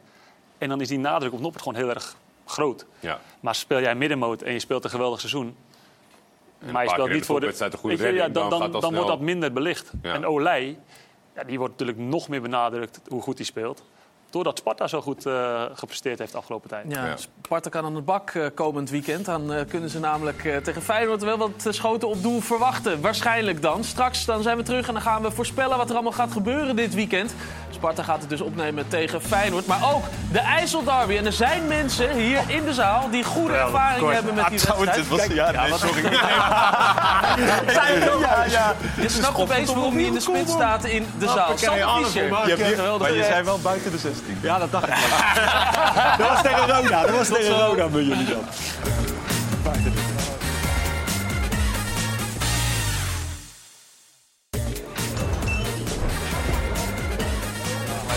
Welkom terug in de voetbalkantine, waar we alvast eh, voorzichtig vooruitblikken op al die mooie wedstrijden van eh, dit weekend. Morgen bijvoorbeeld om twee uur de klassieker in de Azerion Vrouwen Eredivisie. Maar ook die IJsselderby zit eraan te komen. En eh, Bram van Polen kijkt ook al uit naar die wedstrijd, want hij gaat voor de 500ste keer het shirt van Pek Zwolle aantrekken. Ja, ik ben niet, ja, of ben niet van de statistiek. Ik vind het wel, ik denk naarmate je ouder wordt, ben je er misschien iets meer mee bezig. Ik vind het wel, eh, wel iets hebben, ja, dat, eh, dat je uiteindelijk je 500 tegen, tegen de rivaal speelt. Dus, en dan ook nog eens daar. Dus ja, ik vind dat wel eh, net even iets extra's hebben voor komende zondag. En vorige week was je daar ongetwijfeld ook al mee bezig. Was wel mooi dat je voor de, scheidsrechter toch, voor de wedstrijd toch nog even de scheidsrechter probeerde te bewerken. Ja, nou, ik zou het eerder raar vinden als ik dat niet had gedaan, zeg maar. En dat klinkt misschien raar, want hij zei ook meteen tegen mij ja, dat heb je volledig zelf in de hand. Dus ik, uiteindelijk heb ik er ook niks mee bereikt, denk ik. Maar ja, ik denk, kan het altijd proberen hierin. Eh, wellicht eh, denkt hij wat met me mee, maar dat zat er, zat er niet in. Ja, mooi. Bram van Polen, die dus tegen de scheidsrechter zei... eh, scheids, ik ga mijn laatste IJsselderby spelen volgende week. Ik wil daar heel graag bij zijn. Toen ik hem er naar vroeg, na de wedstrijd, zei hij... ja, ik zei wel tegen de scheidsrechter dat het mijn laatste zou zijn... maar dat weet ik nog niet zeker. Anko, wat denk je? Nou, ik hoop het niet. Eh, laat hem er nog maar een jaar eh, aanplakken. Hij is 38 nu? Volgens mij is hij 38 jaar. Maar hij speelt alles nog. Hij is aanvoerder.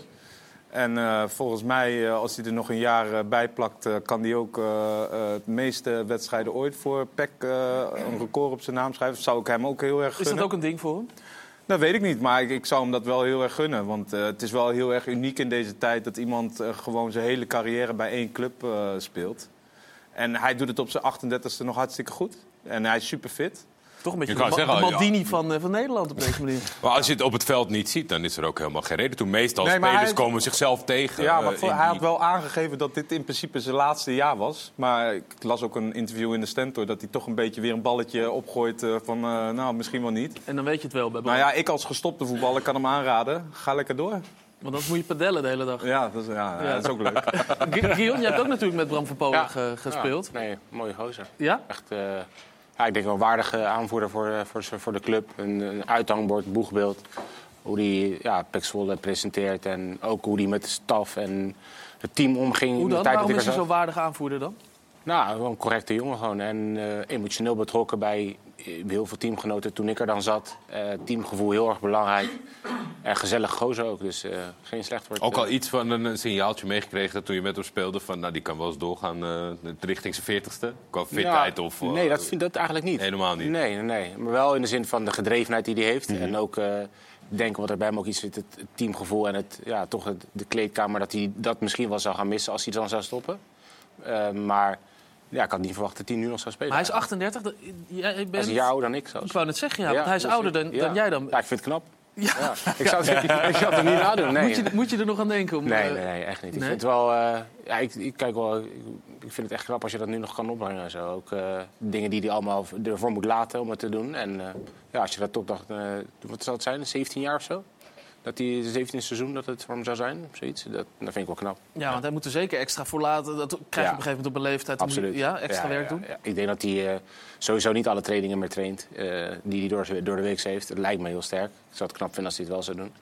En ook gewoon eh, ja, de voeding, feestjes, eh, noem maar op. Alles wat je aan de kant moet zetten ervoor. Zondagochtend, zondag kwart over twaalf. Opstaan wordt een probleem inderdaad. Als, ook als hij, als hij de wedstrijd gespeeld de dag daarna. Dat, eh, Ja, eh, de, zondagmiddag, dan is die IJsselderby. Die jij ook hebt gespeeld met, met succes wel, hè? Ja, het was een mooie wedstrijd trouwens. Ik, het was mijn eerste. En ja, ze hadden wel verteld van tevoren hoe het speelde in, in, in de stad. En ja, voor de supporters. Maar het was een, was een hele mooie wedstrijd. Eh, Merk je dan echt ook, als je op het veld staat... dit is net wat anders dan een, eh, dan een normale wedstrijd, om het zo te zeggen? Ja. Of is, het, is dat niet zo groot verschil? Nee, jawel. jawel. De, de, de ambiance die de hele week al in de stad eh, heerst. En als je naar de bakker gaat, eh, ook de, de, de trainer die echt wel aangeeft dat het voor de supporters wel een andere wedstrijd is dan een reguliere competitiewedstrijd. En ehm, ja, het vuurwerk, al de, de randzaken eromheen die het mooier maken dan een, een normale wedstrijd. Ja. Sander, je hebt ook gescoord in de IJsselderby. Mooier dan je had eh, herinnerd. Nee, ik- ja, dat was mooi. Dat was heel mooi. Dit is denk ik wel mijn mooiste Zo. goal. Ja. Ja, ja. Hier kan die lekker klein stiertje. Weet je niet wat je moet doen. VAR had er misschien nog wel naar gekeken. Nee, die linksback stond er nog. Ja, dus ik zag een klein stapje terug eh, de, goed- de goede richting op, zeg maar. Nou, hij komt wel van iemand van, eh van Ja, dat, is, PEC. dat is Bram. Dat is denk Bram ik, eigenlijk, als hè? ik het nu zo zie. Nummer twee. Ja, ik denk dat dat Bram was. Kon jij genieten van eh, de derby-sfeer? van Ja, de dat is mooi. IJsselderby? Nee, dat was, hele, is wel echt een hele mooie, eh, mooie derby voor mij. Ik moet zeggen, soms is het natuurlijk iets over, eh, over de rand, om het zo maar te Ja, zeggen. maar soms ga je wel... Ja, je bent... Nou ja. Oh, ik ook. Oh, hup. Oh. Ja. Slim zeg. Hey, Heb je hem daar? geel hoor. Ja, ik krijg mijn tweede geel voor. Oh. Nee. Nou, hij had hem er ook nog mee, had hem er ook nog mee, eh, had ook nog door kunnen laten gaan. Ja, ik- Dus daarom dacht ik even Is van... het Atjabar? Atjebar, dit was toch gewoon helemaal goed. Een zo. sterke jongen. Net even te veel. Menig voetballer. eh, Maar ja, van achter. Ja. Was wel terecht. Nou ja, Maar jij was wel iemand die Ja, zich een beetje zo maken. meeslepen door die Nee, ik door vond het lekker, ik vond het Ja. leuk. Dat vond ik echt, eh, dat soort wedstrijden, een beetje druk erop, een beetje, eh, beetje gek tegen je aan het schreeuwen. Leuk man. Ja, vind je leuk? Ja, dan kom je het veld op, denk je, ja, hier doe je het voor. Zag je ook teamgenoten waarbij het andersom werkte? Ja, maar dat had je natuurlijk bij thuiswedstrijden soms ook bij, eh, bij publiek. Dat sommige ja, spelers daar ook gewoon druk van, van voelden of Minder. druk van presteren.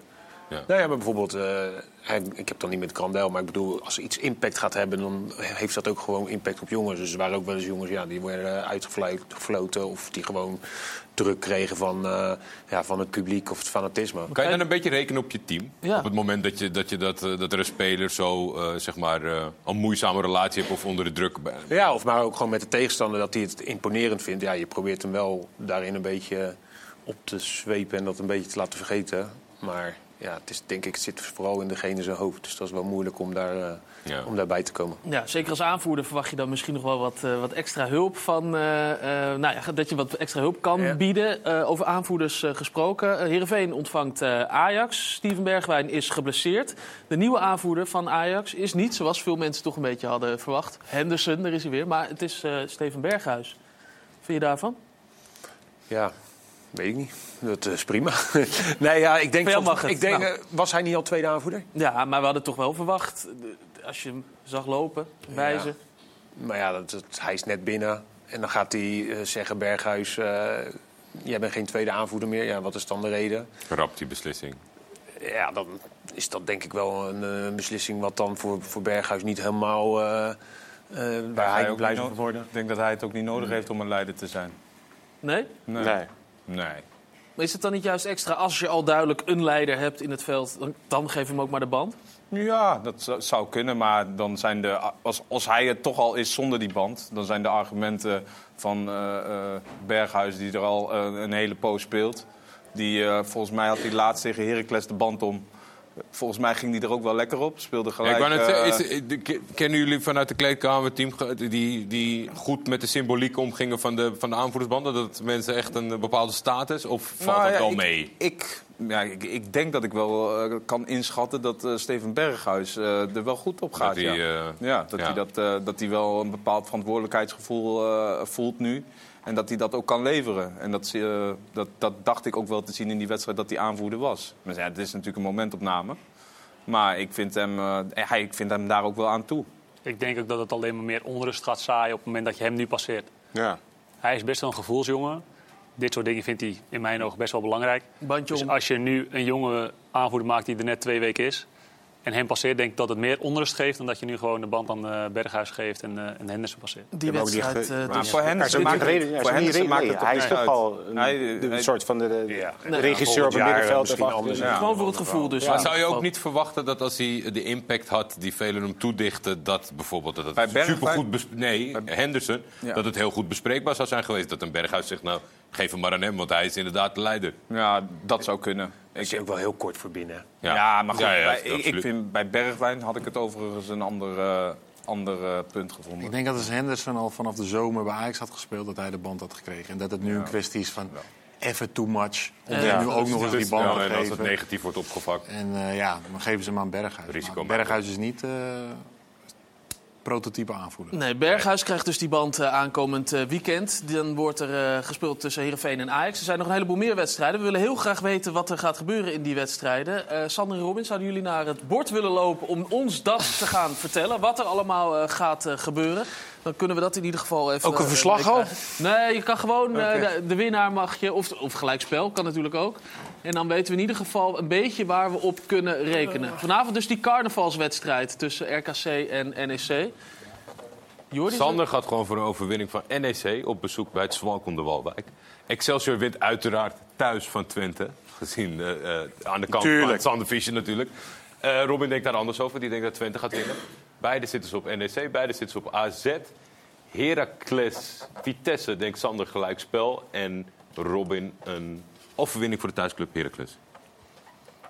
De IJssel Derby? Die kan ik IJssel net niet Derby zien. zie ik eh, Sander Fischer, eh, eh, Go Ahead Eagles. Ja. Robin een gelijkspel. Anko Jansen, voorspelling? Dat wordt eh, een overwinning voor PEC. Oké, Zwolle. Verrassend. Eh, we hebben Ajax en Utrecht, PSV en bij de Feyenoord. Daar zijn ze heel erg gelijk gestemd. Eensgezind aan eh, de rechterkant in ieder geval. En, eh, Kijk of iemand een beetje die top weer kan uitdagen. Ja, want want die we- namen die staan er allemaal al weken. Elvis Manu nog steeds onze topvoorspeller. Met zeven goede wedstrijden. Is tot nu toe wel echt een record gebleken. Jongens, bedankt voor jullie eh, medewerking. Gedaan, Fijn jongens. dat jullie er waren. Robin, succes. Hopelijk een nieuwe club. Snel kan uh, niet altijd anders. snel hè, naar de kantine. Ja, zeker, zeker weten. Guillaume was leuk weer. Bedankt. En eh, Sander, succes met Excelsior. Dit was hem voor nu vanuit de voetbalkantine. Hierna uiteraard ESPN Vandaag. Dan volgt natuurlijk voetbal op vrijdag. U weet eh, hoe het gaat inmiddels. ESPN Vandaag, daarna weer voetbalpraat. Het maakt de tongen los, al dat voetbal. En alle wedstrijden zijn live dit weekend. Het is ook carnavalsweekend. En dat weet inmiddels Peter Bos ook als echte Eindhovenaar. Peter, vraag ik van je gesteld. Het is carnaval aankomend weekend. Wat staat op het programma naar de wedstrijd? Nou, we gaan zo meteen vanavond al met het hele elftal. En eh, dan trekken we hem door naar morgenavond. Eh, ze hebben tegen mij gezegd Eindhoven de gekste, dus eh, dat moet kunnen. Nee, oké. Maar dus, de ga je de met spelen? Ga je mee of niet meer ik heb al ge- ergens ge- gezien dat we een, een, een, een prins carnaval in Helmond hadden, of niet? Jurgen? Ja, nou, ik vind dat dat wel genoeg is in de voetballerij. Laat hij de honneurs maar waarnemen. Ik heb altijd carnaval gevierd, nou en nog. Ja, maar deze niet.